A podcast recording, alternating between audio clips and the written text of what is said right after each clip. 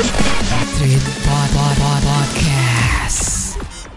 Yo, dari dari Indonesia, kamu dengar aku nyiar. Assalamualaikum warahmatullahi wabarakatuh, people. Selamat sore semuanya. Hari ini gue Gagah dan Dan gue Cici Teh. dan kita kedatangan tamu di sini di bincang seru pastinya dengan Benar. Bang Ferry Ahmad Evindri. Halo Bang Fe. Iya, halo Bang Gaga. Halo. Halo, Halo, Abang. cute. Ih. kenapa kenapa lo? Lo merasa tidak terima kah gue dipanggil cute? Nah, gue sebenarnya udah berdamai ya dengan Oke. kondisi seperti itu, jadi gue Oke. terima aja. Iya siap siap siap. Oke deh Bang. Tak kenal maka tak sayang. Benar. Langsung saja perkenalkan siapakah Bang V ini gitu loh. Oh iya. Oh iya. three people ya. Oke. Ya, eh, nama saya Ferry ya, Ferry Iya. Ahmad atau dipanggil V aja ya. Panggil V aja biar lebih pendek aja. Kalau Ferry kan terlalu panjang. Nah, V Nah, sekarang saya lebih ke usaha sih, lebih Oke. ke usaha digital. Gitu, kayak pembuatan web, apps dan lainnya. Wow. Gitu. Ini gue udah mulai-mulai kenal nih dunianya nih. Iya, lo, lo banget deh kayaknya ya. Iya, Kayak gue banget karena gue suka hal-hal yang berbau web design, desain begitulah pokoknya. siap. Nah, by the way nih Bang, boleh dikeluarkan lagi dong.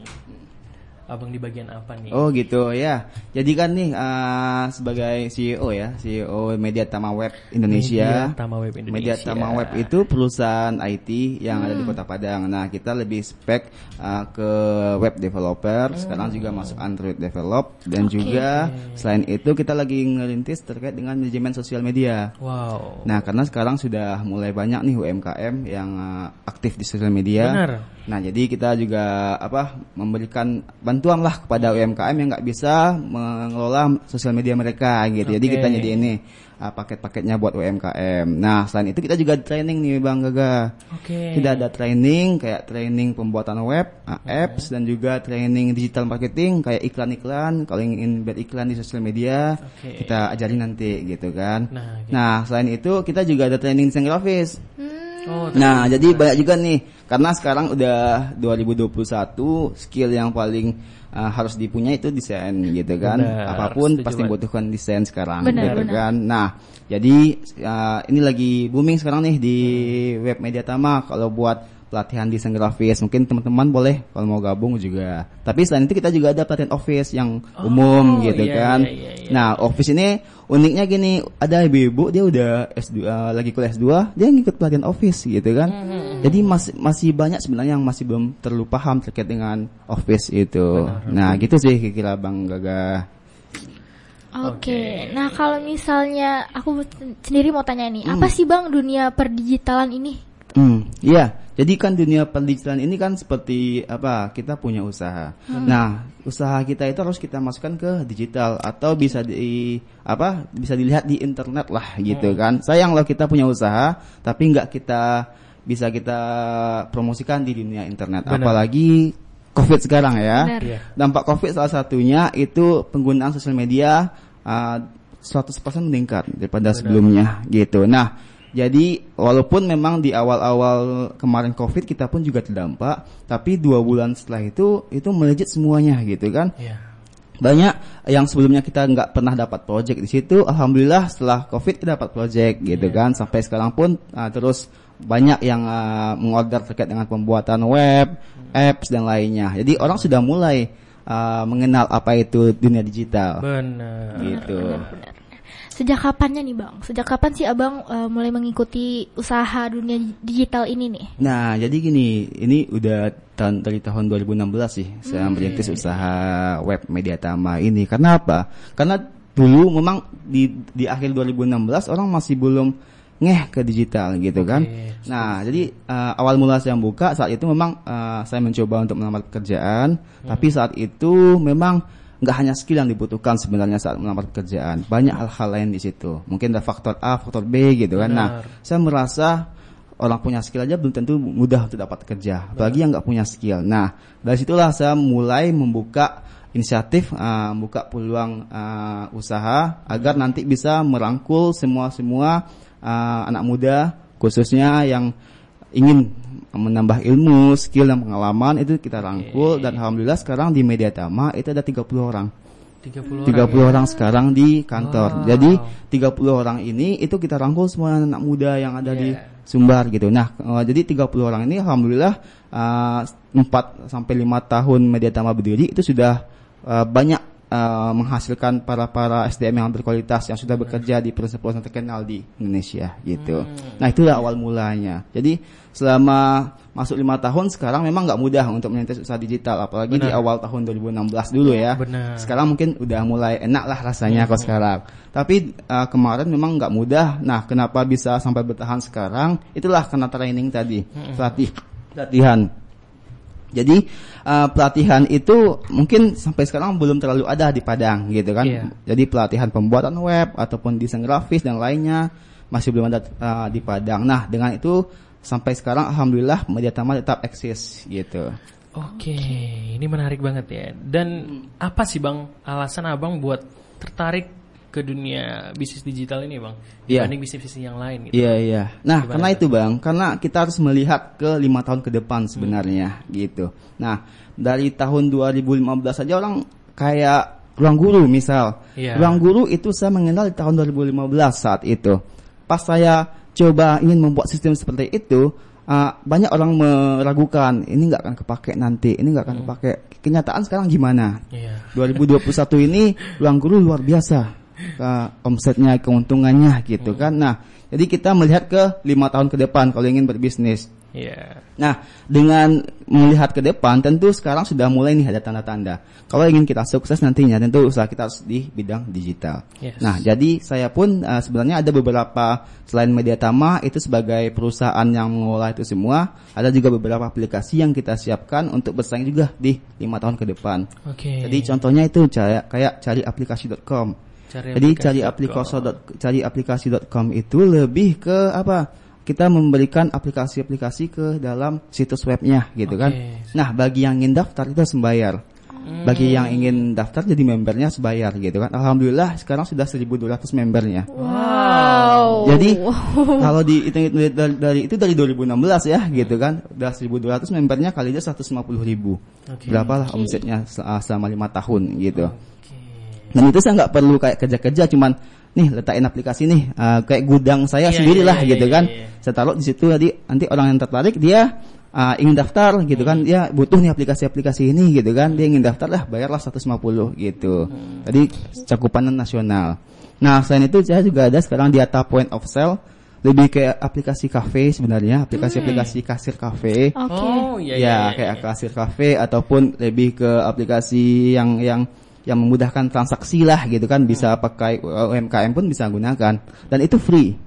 Dan itu saya kasih Free, ya? free untuk UMKM nah itu fungsinya untuk apa? Untuk memudahkan UMKM sebenarnya. Hmm. karena mungkin uh, ada beberapa aplikasi yang berbayar per tahun. Misalkan di kafe-kafe Iya, kan ada iya, be- iya. pakai itu ada beberapa merek gitu kan.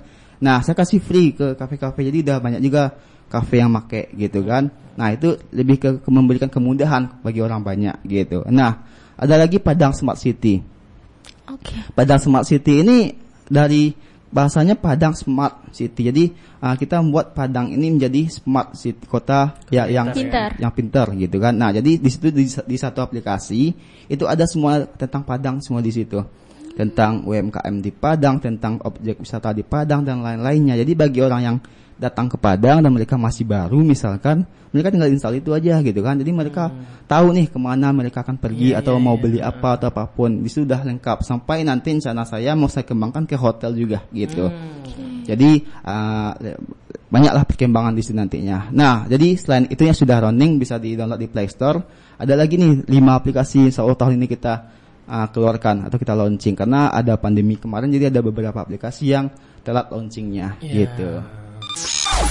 Stand by. I'll be right there. Now you're listening to it on Trade.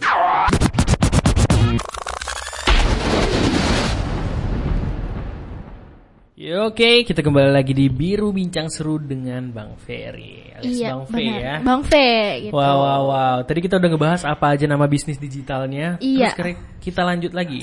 Sebenarnya apa sih Bang tujuan atau goals utama dari bisnis Abang ini? Nah, untuk tujuan tentu kita eh, ingin membantu banyak orang sebenarnya gitu Iya. kan. Jadi pas awal saya buka usaha itu saya niatkan di hati. Hmm. Kita ingin buka eh, lapangan usaha agar SDM yang ada di Padang itu nggak perlu keluar lah buat cari Ya, ya, ya, ya. pekerjaan gitu kan. Jadi hanya khusus di Padang aja gitu. Nah, jadi selain uh, membuka lapangan pekerjaan, kita ingin membantu juga bagi orang yang menggunakan apps kita atau menggunakan website kita agar mereka lebih berkembang usahanya ke depan. Karena sekarang sudah uh, sistem berbasis digital. Rugi kalau kita nggak sampai masuk ke dunia internet gitu kan. Karena pengalaman saya dapat uh, klien sampai orang Papua gitu. Oh, jauh banget ya. Nah itu karena apa? Kenapa dari website sebenarnya? Iya, Saya nggak nyangka juga, oh kok banyak juga yang akses gitu kan? Nah jadi website itu sebenarnya uh, jauh berbeda dengan sosial media. Sosial media mungkin kita lebih kenal orang-orang yang memang follow kita. Benar. Tapi website kita bisa mendapatkan pelanggan-pelanggan baru. Misal ad- ada orang butuh uh, ABC gitu kan, mereka searching aja muncul nih kita gitu kan. Iya, Jadi iya, iya. Klien kliennya pun nggak hanya lokal tapi sampai internasional gitu yang bisa dapat. Saya dap- pernah juga dapat dari Malaysia. Karena yang seperti diceritakan, diceritakan tadi, kalau hanya kita hanya fokus di Padang nggak terlalu banyak sebenarnya Iya. yang butuh terkait dengan hal bisnis digital yang yang pas empat tahun sebelumnya gitu kan. Nah, tapi di luar sana sangat luar biasa sekali an- animonya gitu. Makanya itu sangat uh, membantu sekali kalau kita Iya. punya usaha bisnis digital gitu. Kalau dari gue sendiri ya bang ya, menurut gue mungkin saat ini di Padang memang sedikit banget yang butuh soal Hmm. Betul. itu. Tapi sometimes gue ngerasa bak suatu saat di Padang ini bakal meledak sih. Betul betul. Karena semua tuh akan bertemu juga nanti di titik itu gitu. Iya. Karena gini bang, Padang ini ibaratkan Jakarta tuh mundur lima tahun. Oh, Iya, benar-benar gitu. sih. Ya. Trennya ya. trennya. Jadi Padang agak mundur lima tahun nih dari Jakarta. Contoh Jakarta dulu udah ada Gojek dan lainnya. Padang udah lima tahun di Jakarta, baru Mulai. uh, mulai jaya jaya juga di Padang gitu kan. Banyak hal-hal kayak gitu. Jadi Padang ini tergantung kota besar. Kalau sudah oke di situ, dia akan ikut juga nantinya gitu. Memang Polanya harus ditunggu dulu ya. Iya Bang. betul, Momennya. betul. Boleh diceritain dikit nggak bang apa aja kegiatan nih selama di dunia bisnis digital ini nih yang pernah abang akuin? Banyak sih uh, kak, kak cute ya, banyak sih. Jadi apalagi selama lima tahun itu kan uh, banyak yang dilakukan. Nah mungkin salah satunya tahun kemarin itu, oh bukan 2020 kita pandemi ya, 2020 kita pandemi, 2019 lah 2019 itu akhir tahunnya kita uh, mengelola sekolah uh, SMA Kota Padang untuk ujian tryoutnya gitu. Jadi berbasis uh, UNBK uh, komputer gitu kan. Nah, 2020 ini udah pandemi nih nggak jadi ternyata gitu kan tryout Iya, iya, uh, ujian UN-nya gitu kan, UNBK-nya. Nah, jadi uh, banyak yang kita lakukan selama di apa bisnis digital. Kemudian kita juga memberikan training-training kepada pelaku UMKM gitu kan. Kita memberikan training pada UMKM secara gratis agar mereka pun menjadi lebih tahu terkait dengan bisnis digital. Iya. Dan ini baru saja kemarin itu di hari Selasa saya diundang ke Batu Sangkar ke kampus IAIN Batu Sangkar memberikan workshop memberikan workshop ke eh, apa jurusan fakultas di situ agar website mereka jadi tampilannya lebih, lebih, lebih bagus gitu. Sip. Nah, jadi uh, dan kemudian bagi uh, apa yang punya organisasi juga bisa buat website dengan budget minim.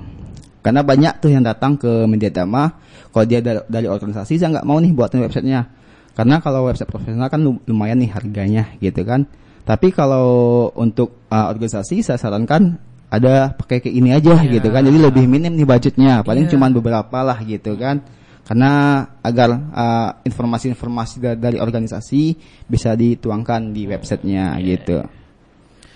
Itu menarik sih mengenai pasar tadi ya bang. Kita harus menyesuaikan juga gitu loh. Gak Betul. bisa juga budget sekolah kita letakkan di organisasi. Iya, Betul. benar benar benar. Karena organisasi Iya. yang seperti kita tahu juga budgetnya itu nggak ya sebanyak sekolah gitu. Iya. Dan kebutuhan dari di webnya sendiri pun nggak sebanyak yang itu gitu loh. Iya benar. Ada cerita menarik nggak sih bang selama abang jadi founder atau CEO dari bisnis abang yang sekarang ini? Kalau bisa dibilang yang bisa nggak bisa dilupain deh gitu. Iya. Uh, normal sih semuanya gitu kan. Kalau kita punya usaha pasti ada Turun ya. naik turun lah gitu kan. Nah, kayak kemarin pas uh, Covid. Iya. Pas Covid itu pas di Maret akhir kita uh, turun gitu kan. Pas Maret, pas April apalagi pas uh, lockdown kita sempat turun pas dua bulan itu. Tapi Mei alhamdulillah udah mulai naik lagi. Sampai Juni itu uh, kenaikan yang paling tinggi di bulan Oke. apa di bulan uh, uh, pas COVID awal COVID gitu kan sampai akhir tahun alhamdulillah. Nah, selain itu tentu kayak uh, pembayaran pembayaran yang tidak ditepati gitu kan. Oh, Ada iya. juga gitu kan di web nih karena kita sudah buat ini gitu kan. Nah tiba-tiba menghilang gitu, ada juga kayak gitu. Nah kemudian uh, kadang ada juga gini uh, Kak Kiot, kan saya masih muda nih, masih 23 lah ya. Ya, aduh. kadang ada yang nggak percaya nih gitu, saya uh, CEO-nya gitu kan, pas datang. Menarik, menarik. Ah, ada yang nggak percaya kadang gitu kan, pas datang, oh masa iya? nah saya ketawa aja palingan gitu kan, nah kayak kayak gitulah apanya hal menariknya. Wah. Jadi masih banyak yang belum percaya kalau abang itu di usia segini udah bisa jadi CEO gitu ya. Iya, yang, yang kayak yang cerita tadi banyak yang bilang nih, ini pakai apa nih, pakai pakai jimat apa nih gitu kan. Jadi itu juga jadi tantangan lah ya bang dari abang sendiri untuk hadapi hal seperti Iya, itu. betul. Ngomongin soal tantangan nih bang, apa aja nih hal-hal yang selama ini udah abang lewati beratnya dan gimana cara abang ngatasinnya gitu? Nah, untuk untuk tantangan itu yang balik lagi, apalagi apalagi kita di Kota Padang ya. Hmm. Bener. Untuk eh, digital memang agak eh, cukup susah Iya. pas di awal gitu kan eh, untuk di Padang ini. Jadi memang butuh eh, proses semuanya gitu kan. Kita nggak nggak bisa langsung untuk eh, minta ABC gitu kan. Jadi kita harus menikmati prosesnya. Jadi eh, tapi alhamdulillah sekarang sudah mulai dengan Covid ini salah satunya ini mungkin dampak uh, positif ya kepada media tama ya kalau dengan, covid ya. Tapi kita nggak pula ingin covid ini terus berjalan gitu kan. Kita ingin uh, sudahlah untuk covid ini gitu. Nah jadi tantangan tadi lebih ke mindset mindset masyarakat Padang gitu. Mindset masya- masyarakat Padang harus kita ubah secepatnya agar nggak harus lima tahun dari Jakarta lah minimal satu tahun lah dari Jakarta gitu. Jujur kita masih kalah dengan Pekanbaru dari segi apa mindset ataupun teknologi yang ada di Benar, Pekanbaru gitu. Nah, jadi jangan kita sampai kalah sama kota Pekanbaru aja gitu kan. Kita harus lebih eh, harus lebih bisa lagi meningkatkan mindset kita agar eh, UMKM juga dengan adanya internet itu pasti akan naik omsetnya gitu. Nah, itu yang pertama terkait dengan mindset masyarakat. Yang kedua terkait dengan apa eh, pelatihan. Jadi terkait dengan pelatihan itu pas pelatihan eh, ada yang awalnya hanya datang kemudian udah hilang gitu kan. Nah jadi kita mengharapkan eh, kalau seperti itu kan susah sebenarnya. Eh, eh, jadi jangan sampai pas datang kemudian hilang aja sayang sebenarnya gitu Iya. kan. Kalau dari, kalau dari media tama tuh untung sebenarnya dia udah bayar gitu kan. Tapi dari segi uh, niat kita di awal sebenarnya lagi gitu Iya. kan. Nah, memang banyak juga faktornya mungkin karena kesibukan dan lain hal gitu gitu kan. Nah, makanya kita membuka manajemen sosial media sekarang agar uh, kita bisa menghandle sosial media para UMKM ataupun para perusahaan yang di mana mereka sibuk nih untuk untuk bekerja gitu kan atau meng- mengatasi hal-hal lain gitu. Jadi kita yang membantu nantinya. Nah, jadi paling itu itu aja paling tantangannya. Oke. Ternyata nggak nggak bisa dibilang nggak mudah juga untuk ngadepin Betul, betul. ini gitu loh. Iya. Oke oke oke oke. Nah nih bang, ngomongin-ngomongin soal bisnis abang tadi, untuk membernya sendiri itu dari kalangan mana aja sih bang? Mm-mm. Nah, kalau untuk klien itu eh, umum sebenarnya. Jadi eh, ada dari pemerintahan masih kita ambil pemerintahan, kemudian kita juga ngambil dari swasta, kemudian dari yang perorangan juga ada. Hmm. Oh, ada juga ya, Bang, juga perorangan dia ada usaha nih, dia ingin buat web atau buat website atau online juga ada. Bahkan eh, dari komunitas juga ada gitu kan Iya. dia uh, ada komunitas dia ingin buat web ah, bisa juga gitu kan bahkan selain itu uh, ada lagi dari yang kayak mungkin personal branding Iya, gitu iya, iya, nah iya. web uh, personal branding jadi ingin uh, menampilkan terkait dengan biodata dia lah di web gitu kan ada juga seperti itu jadi banyak kalangan yang bisa masuk di untuk pembuatan web. Ini semua kalangan bisa gitu. Oke, keren keren keren. Nah nih bang, tadi kan kita udah ngomongin soal kalangan yang klien abang nih. ya Kalau kalangan anggota yang ada di Iya, media abang itu Oh dari gitu. mana-mana aja? Oke. Nah, untuk anggota kita eh, tentu yang yang untuk profesional kita memang mencari yang sudah eh, lulus dari Oke. kampus yang memang kita jadikan karyawan Udah tetap graduate ya. graduate. Nah, kemudian ada hal unik. Saya nggak pernah melihat eh, ijazah mereka. CV ijazah mereka saya nggak pernah lihat, transkrip nilai saya nggak pernah lihat. Yang saya lihat cuman skillnya gitu. Jadi eh, kadang ijazah dan CV nggak eh sorry ijazah dan transkrip nggak saya lihat sama sekali. Walaupun eh, dia IPK-nya 3,9, 3,5, bahkan ada yang 2,7, nggak nggak ada perbedaan semuanya. penting dia ada skillnya gitu. Oke. Nah, uh, jadi uh, untuk karyawan tetap kita menilai skillnya. Bahkan ada yang tamatan SMK langsung kita jadikan karyawan tetap.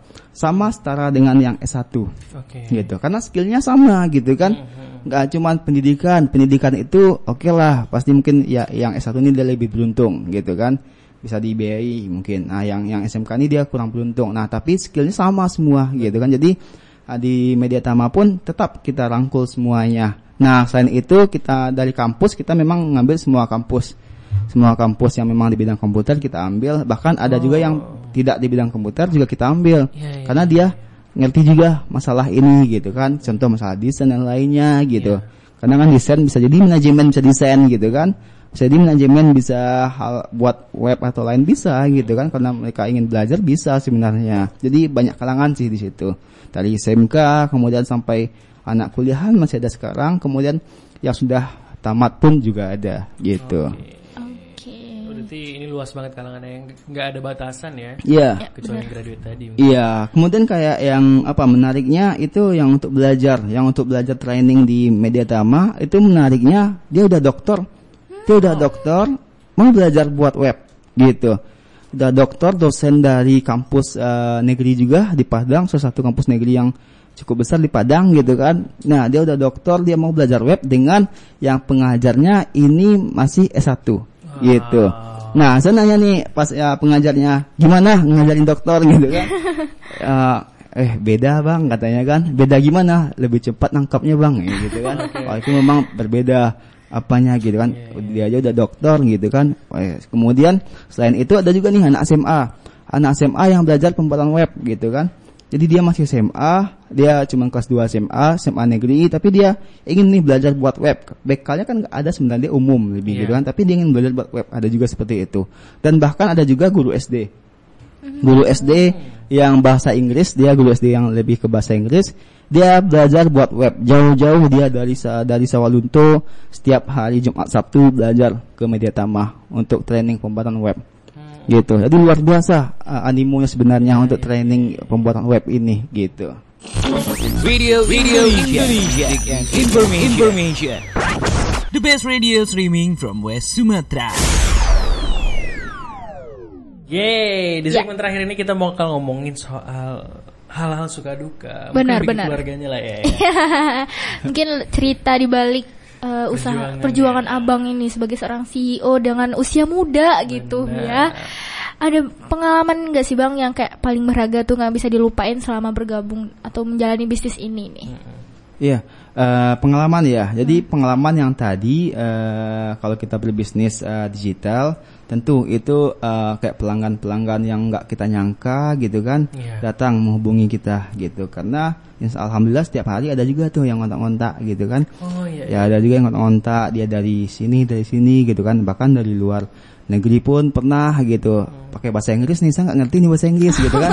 Saya cari nih karyawan saya ada yang ngerti bahasa Inggris nggak? Coba nih komunikasi sama uh, klien kita yang B nih gitu kan? Sampai kayak gitu. Jadi uh, banyak sih kemudahan yang dapat saat kita berbisnis digital. Nah kemudian setelah itu uh, pengalamannya yaitu uh, banyak uh, klien-klien kita dan juga para yang telah belajar di media tama memberikan testimoni positif uh, terkait dengan mereka uh, dekat dengan mereka belajar di media tama bahkan dengan menggunakan aplikasi media tama pun mereka jadi lebih mudah dan dari segi biaya nggak terlalu mahal dan juga pas dipakai pun jadi enak dan terbantu juga untuk usahanya itu sih. Nah, jadi kemudian mereka setelah mereka uh, pakai aplikasi mereka bisa nih analisa terkait dengan bisnisnya.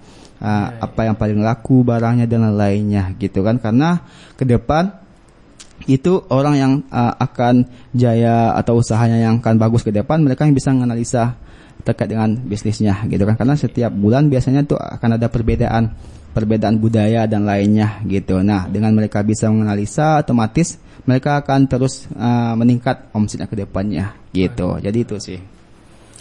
Oke, tadi udah ada pengalaman paling berharga ada sekaligus suka dukanya lah ya. Benar, Dan benar.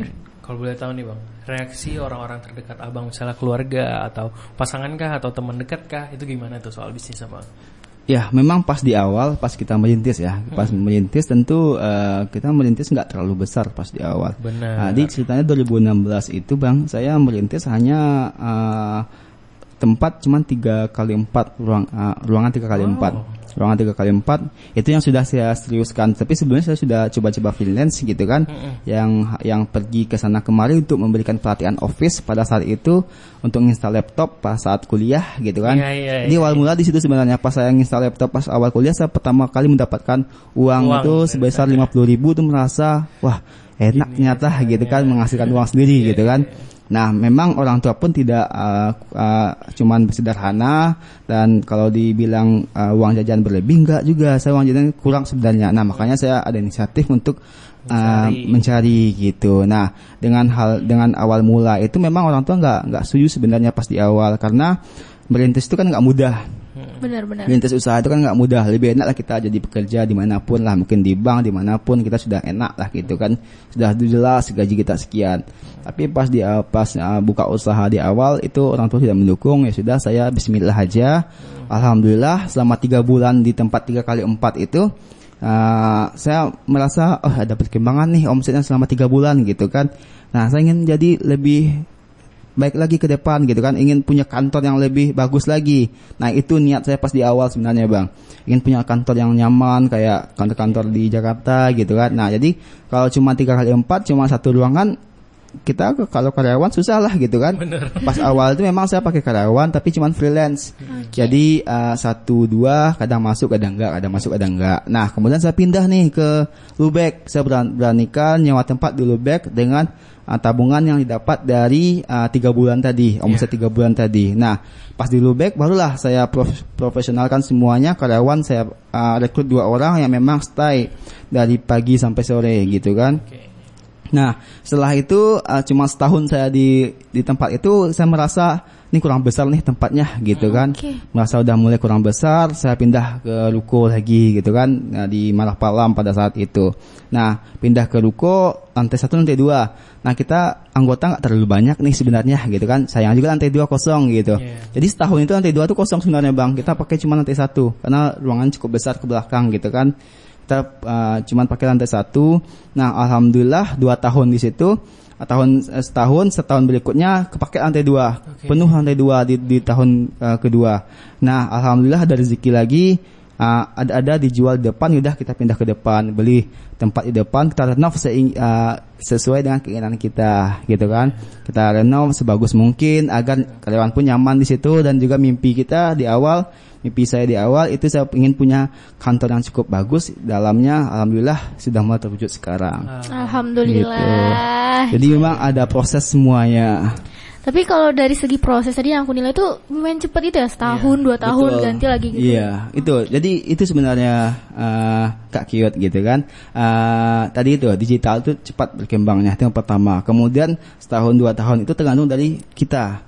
Tergantung dari kita. Kalau kita ingin lebih daripada yang tahun-tahun sebelumnya, kita harus berani untuk pindah ke tempat yang lebih bagus. Karena sebenarnya kalau untuk perusahaan IT atau perusahaan eh, digital itu nggak perlu tempat di, di jalan besar sebenarnya. Iya. Banyak yang bilang Iya, kayak gitu bang karena mereka mencari di uh, internet juga gitu kan mereka searching di internet jadi nggak perlu uh, di jalan besar juga bisa dimasuk ke dalam lah sedikit uh, Iya. sewa rumah atau apa pun beli rumah di situ gitu kan tapi saya nggak mau hal itu saya pengen nanti uh, media tama itu uh, di tempat yang besar dan punya tiga peta gitu kan dengan label mungkin kayak Gojek kayak apa gitu Oke. kan Nah, jadi kayak Traveloka kayak tiket.com kayak gitu jadi saya ingin nanti kayak gitu jadi Iya, iya. itulah mimpi kita. Jadi uh, dengan hal itu pun orang menjadi lebih tahu nantinya gitu. Oke. Ngomongin soal goals nih Bang. Tadi itu kan sal- salah satu goals Abang pengen bikin tempat yang ya seperti seperti toko-toko digital yang lain ya. Iya. Kalau dalam waktu dekat ini ada nggak sih Bang goals baru Abang dan how to get it? Gimana cara menggapainya gitu loh Bang? Nah, jadi yang tadi saya sampaikan, insya Allah di tahun ini mungkin yang terdekat ya bang kita sebelum Ramadan kita ingin launching beberapa aplikasi. Wow. Salah satunya Erental. Di Oke. Erental ini belum kita buat namanya yang bagus ya. Ini lagi proses uh, pengembangan. Jadi Erental ini fungsinya nantinya bagi orang yang punya uh, barang yang bisa ingin direntalkan, mereka tinggal push saja ke aplikasi kita gitu kan. Jadi benar, benar, benar. siapa pun nanti yang ingin merental barang, contoh rental kamera ataupun rental yang lain, Hmm. itu tinggal buka aplikasi aja, lengkap semua di situ. Oh. Apa yang mau mereka rental gitu kan. Kalau sekarang kan terpisah nih. Kalau rental kamera mungkin di sini tempatnya rental uh, alat bayi di sini dan lainnya terpisah. Nanti kan kita gabungan di satu aplikasi. Dan itu kita tidak ada memberikan biaya yang lainnya gitu kan. Kita hanya ingin memudahkan Jalur ya. menyalurkan gitu kan. Jadi penengah lah antara yang Iya, punya iya. barang dan juga sebagai yang yang ingin merental barang gitu, ingin menemukan mereka. Nah, itu rencana kita di uh, sebelum Ramadan akan launching secepatnya. Nah, selain itu Mungkin setelah Ramadan kita ada lagi ingin meluncing aplikasi yang aplikasi itu investasi modal. Jadi investasi modal ini uh, saya kan juga tergabung di di beberapa organisasi. Nah, jadi saya mengenal para uh, para para mahasiswa yang mereka mempunyai konsep usaha tapi mereka nggak ada modal. Oke. Nah, jadi saya ingin nanti membuatkan sebuah aplikasi yang di situ nantinya para yang mempunyai konsep atau yang membutuhkan modal dia memberikan um, memasukkan ke dalam aplikasi nantinya dan nanti akan terhubung dengan investor gitu. Jadi di Padang ini atau di organisasi saya itu banyak juga orang yang memang ada uang apa ada uang berlebih nih yang cuman ada di ATM nggak digunakan buat apa-apa gitu kan. Nah, lebih bagus digunakan untuk membantu uh, Invest ya. invest gitu kan. Nah, jadi saya ingin menghubungkan antara pemilik modal dan juga sama yang punya konsep nantinya. Uh, dan cakupannya hanya Sumatera Barat nanti uh, karena Sumatera Barat ini uh, nantinya akan uh, apalagi uh, pemerintahan kita sangat mendukung terkait dengan uh, entrepreneurship gitu. Mudah-mudahan nantinya salah satu ini bisa di uh, bisa membuat uh, para para para seperti mahasiswa yang ingin butuh modal bisa bertemu dengan investornya gitu. Nah itu yang yang akan kita uh, jalankan insya Allah setelah bulan Ramadan. Dan ada juga ini nggak apa-apa ya Pak? Nggak ada beberapa aplikasi lagi nih kita uh, launching insya Allah di bulan di, di tahun ini. Yang tertunda kemarin pas covid itu kita sudah ada sebenarnya rumah franchise rumahfranchise.com Nah, rumahfranchise.com ini uh, itu di situ lengkap nanti semua franchise yang ada di di nasional gitu kan di Jakarta bahkan di Padang pun. Jadi bagi orang yang ingin buka usaha dan mereka nggak mau ribet nih gitu kan mereka bisa pakai franchise juga gitu. Hmm, iya, iya, Nah, jadi iya, kadang kalau kita ingin buka usaha yang yang di mana kita kalau franchise ini kan sudah lengkap legalitas dan lainnya gitu kan.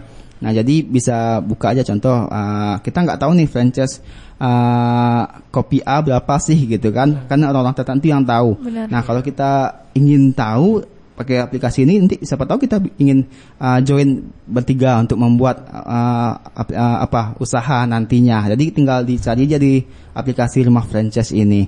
Dan kemudian ada lagi nih eh, ada lagi ini insya Allah mungkin setelah Ramadan juga ada klinik kesehatan. Nah klinik kesehatan ini uh, membantu para yang yang pasien untuk um, membooking jadwal ke klinik. Terkadang kita ke klinik itu ngantri itu Antri ya malas. benar-benar. Iya, iya. Ngantri itu kadang kita booking jam 7, kita udah nelpon jam 7 tiba-tiba pas dipanggil jam 9 gitu kan. Iya. Kita udah datang jam 7. Tapi pas dipanggil jam 9, aduh 2 jam saya nunggu gitu kan. Karena waktu itu sangat penting sebenarnya. Benar. Nah, jadi uh, dengan adanya aplikasi ini nanti uh, pasien pun tahu nih udah uh, nomor berapa sekarang. Saya nomor misalnya nomor 30, oh sekarang udah nomor 27 udah mulai uh, jalan ke tempat gitu. Jadi nggak perlu terlalu lama untuk ngantri gitu. Nah, itu insya Allah di habis Ramadan uh, sebelum bulan Juni udah kita launching. Nah, terakhir uh, aplikasi donor darah. Oke. Nah, jadi aplikasi donor darah ini membantu menghubungkan antara uh, yang suka mendonor ya, yang suka mendonor dengan orang yang butuh darah gitu. Oke. Nah, ini lebih kayak aplikasi Gojek nantinya karena akan tahu nih lokasi tempat orang yang membutuhkan darah. Jadi terkadang di rumah sakit habis darah, misalkan banyak seperti itu sekarang gitu kan. Jadi dia ingin butuhkan darah, dia tinggal uh, ya yang ingin butuh ini atau keluarga tinggal uh, buka aja aplikasi di situ nanti ada tuh semua pendonor sesuai dengan darah yang diinginkan. Nah, tinggal dia uh, hubungi atau dia lakukan permintaan darah, nanti pendonor pun masuk juga tuh ke pemberitahuan semua pendonor yang sudah terdaftar di aplikasi gitu. Jadi masuk kayak notif di mobile gitu kan oh ini, ini ada yang butuh butuh darah. Siapa tahu dia bisa dia uh, ACC dia ingin bantu.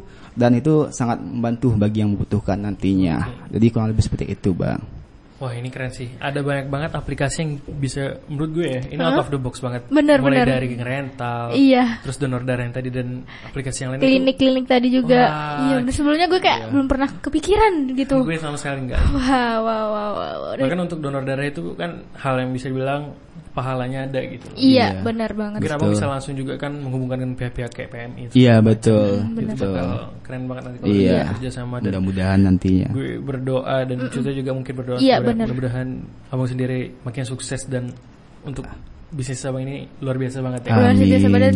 Semoga nih semua Iya. semua eh, kayak yang goals abang tadi itu bisa terrealisasi. Iya benar. Amin. Terakhir mungkin Last nih bang, last. pesan Ya, ya, pesan buat Pesan. Three people di rumah gitu. Oke, mungkin pesan dari saya itu uh, sesuai dengan yang saya rasakan ya. Uh, jadilah pribadi yang tidak mudah menyerah, gitu kan?